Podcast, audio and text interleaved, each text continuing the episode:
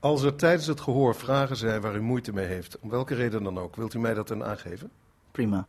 Als u om welke reden dan ook tijdens het gesprek behoefte heeft aan een pauze, wilt u dat dan aangeven? Dat is goed.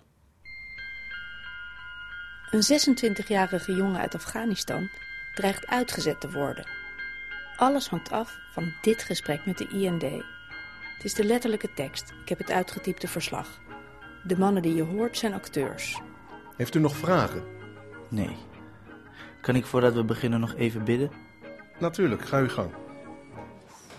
1 Johannes. Johannes. 1 Johannes. Johannes, ja. eh, 5. 5, yes. Ja. Johannes 5 vers? Vers, begin, vers ja, vers 1 tot eh, 3 kan eh, lezen. Zo klinkt hij echt, de jongen uit Afghanistan.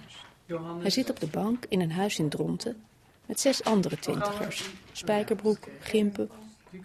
En allemaal een bijbel op schoot of een telefoon met een bijbel-app. Daar staat: Ieder die gelooft dat Jezus de Christus is. De Afghaanse jongen heeft een bijbel in het Farsi Wij kunnen ons en fluistert in zijn eigen taal mee. In de zekerheid dat hij naar ons luistert als we hem iets Hij vragen. heet dat in Alim, maar zo wil hij niet meer genoemd worden. Die andere naam is eh, eigenlijk eh, is niet goed voor mij. Als hij iemand zegt, hoe heet jij? Ik zeg eh, eh, Alim. Zeg, oh, ben jij moslim? Dat is niet eh, zo goed. Want je bent geen moslim meer. Eh, nee, nee. Nu noemt hij zichzelf Dawood, David in het Arabisch. Dawood is een rustige, charmante jongen. Zijn zwarte haar kort geknipt, grote ogen en als je hem aankijkt krijg je een brede glimlach van hem. Dit groepje komt elke week bij elkaar. Ze noemen zichzelf VVG, Vrienden voor God. En ze zijn allemaal lid van dezelfde evangelische kerk in Dronten.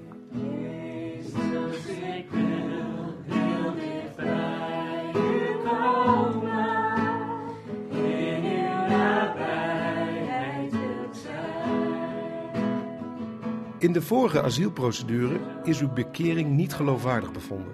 Waar de IND achter probeert te komen, Op basis waarvan zou, naar uw eigen inschatting, de bekering nu wel geloofwaardig moeten worden geacht? Is Dawood echt christen geworden? Of doet hij alsof? Als u wil weten of ik daadwerkelijk christen ben, moet u weten hoe ik dagelijks leef. Bekeerde moslims uit islamitische landen kunnen een verblijfsvergunning krijgen omdat ze gevaar lopen als ze teruggaan. Daarom wil de IND weten: gaat het de asielzoeker alleen om die verblijfsvergunning of is het een echte bekering? En dus moet Dawood de IND overtuigen dat hij Jezus heeft gevonden. Maar hoe doe je dat? Laatst was ik in Kampen en stond daar buiten de Albertijn te wachten.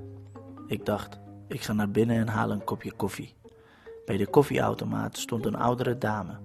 Zij had koffie gepakt, maar het lukte haar niet om het zakje creamer te openen. Ik heb haar toen daarbij geholpen. Ik denk achteraf dat het Gods wil is geweest dat ik bij die supermarkt naar binnen ben gegaan en haar daarbij heb geholpen. Het lijkt me geen sterk argument. Niet bepaald een hard bewijs van iemands geloof. Een oude dame met de koffiemelk helpen. En Dawood heeft meer van dit soort voorbeelden.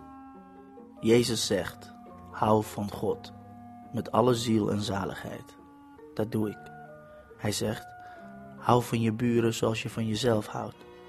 Dat doe ik ook.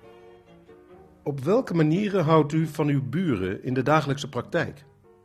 Onlangs was ik in het centrum van Dronten. Onderweg kwam ik oudere mensen tegen die drie of vier huizen verder wonen.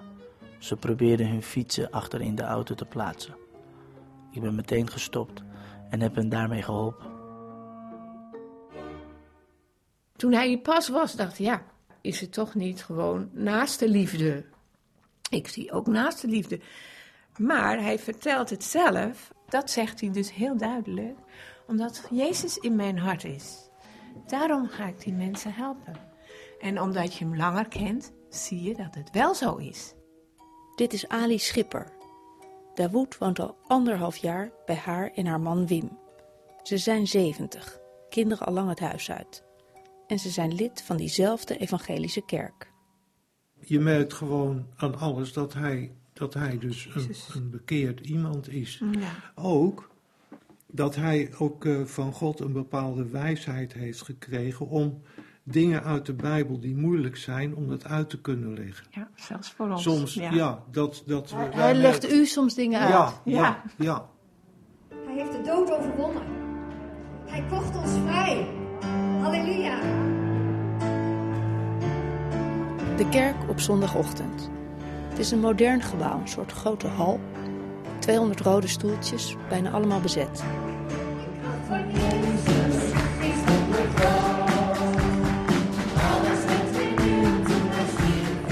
Het is een evangelische kerk. Hè? Mensen staan op, klappen, zingen mee. Handen gaan in de lucht. Wim en Ali zitten achterin. Dawood zit bij zijn vrienden van de VVG. Ik betrap mezelf erop dat ik steeds naar hem wil kijken. Alsof ik zou kunnen zien of hij het meent. Maar dat valt niet mee, want ik zit vlak naast hem. En als ik naar hem kijk, kijkt hij naar mij. En hoe dan ook, ik zie niets bijzonders. Ga jij iedere zondag? Ja, is, eh, een kerk is, is eh, een eh, familie voor ons. Ja, ik ben echt blij. Ja, elke week kom hier. Is, eh, is, eh, is heel blij, ja. Dawood is niet de enige asielzoeker in de kerk. Naast hem zit een andere jongen uit Afghanistan en ik hoor dat er mensen zijn uit Iran. Er zijn zelfs tolken die de dienst vertalen in het Engels en Farsi. De afgelopen drie jaar zijn hier iets van 100 asielzoekers gedoopt. Ik kom erachter dat asielzoekers die zich bij de IND beroepen op hun bekering vaak al uitgeprocedeerd waren. Ik schrik als ik in Dawood's dossier lees dat dat ook voor hem geldt.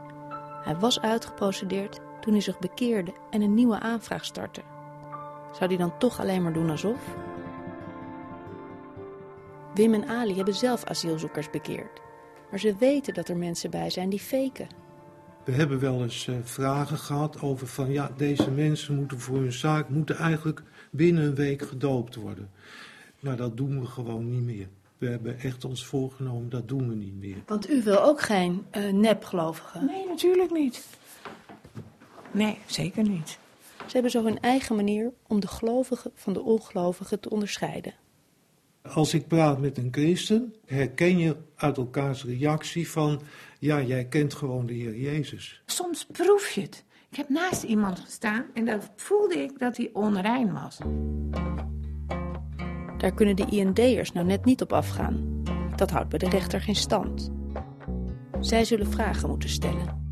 Wat wordt nou uw mening bedoeld met het kruis oppakken? Wat is voor u persoonlijk nu de belangrijkste wijziging in uw geloofsbeleving sinds de vorige keer dat u... Hoe volgt u zelf op dit moment de weg naar Jezus?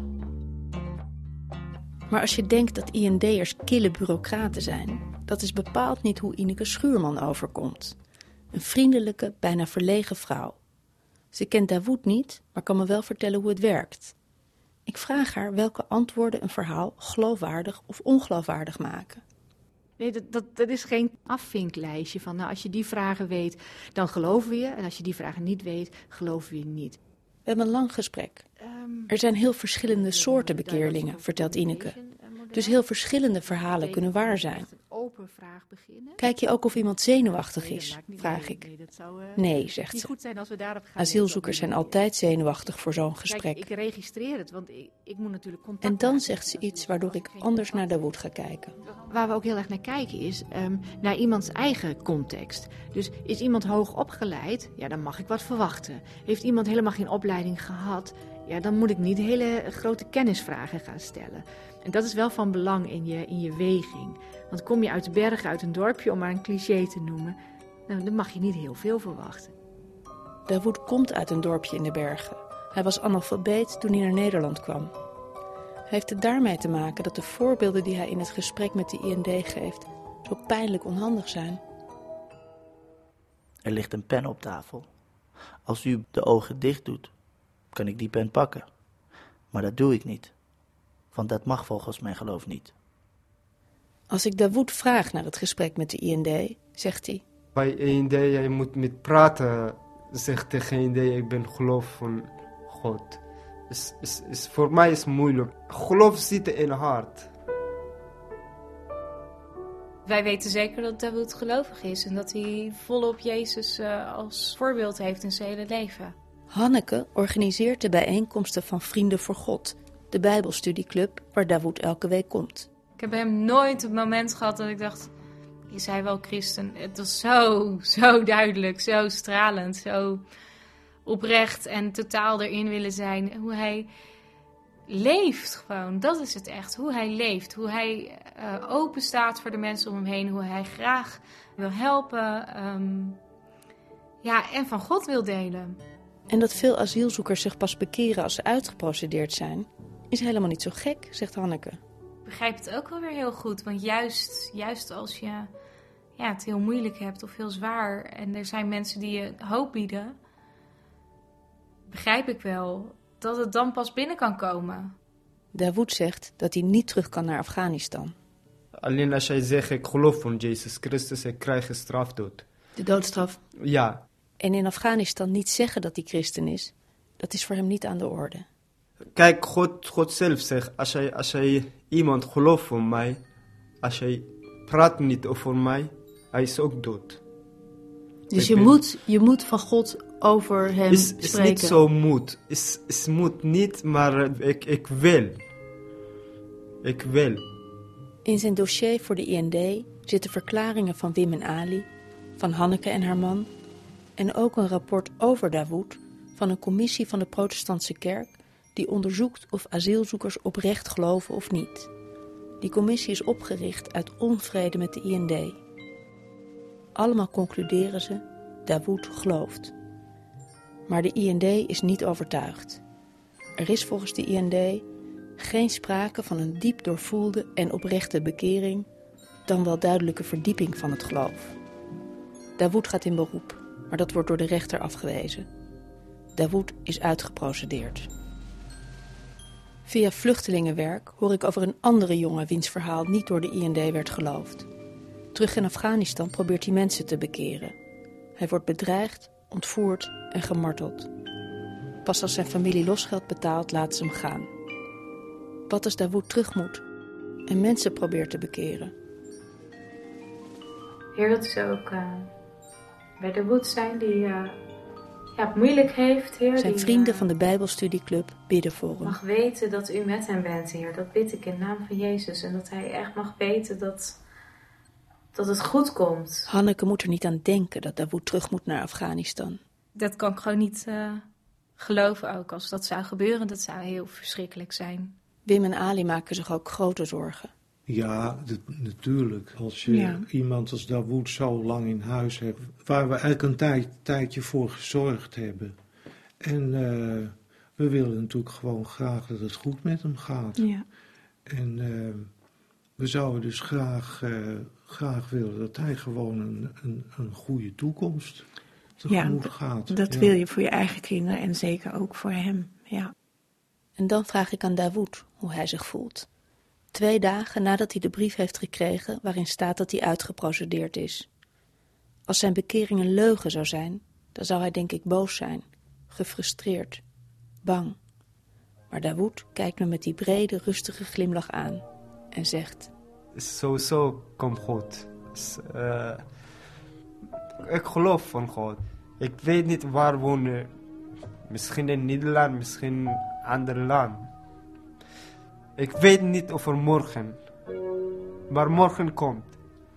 En gisteren is geweest. Slecht of goed is geweest. Gisteren is komt de slechte brief voor mij is geweest. Is klaar voor mij. En je vertrouwt op God. Ja, tuurlijk. Ja. Zeker komt goed.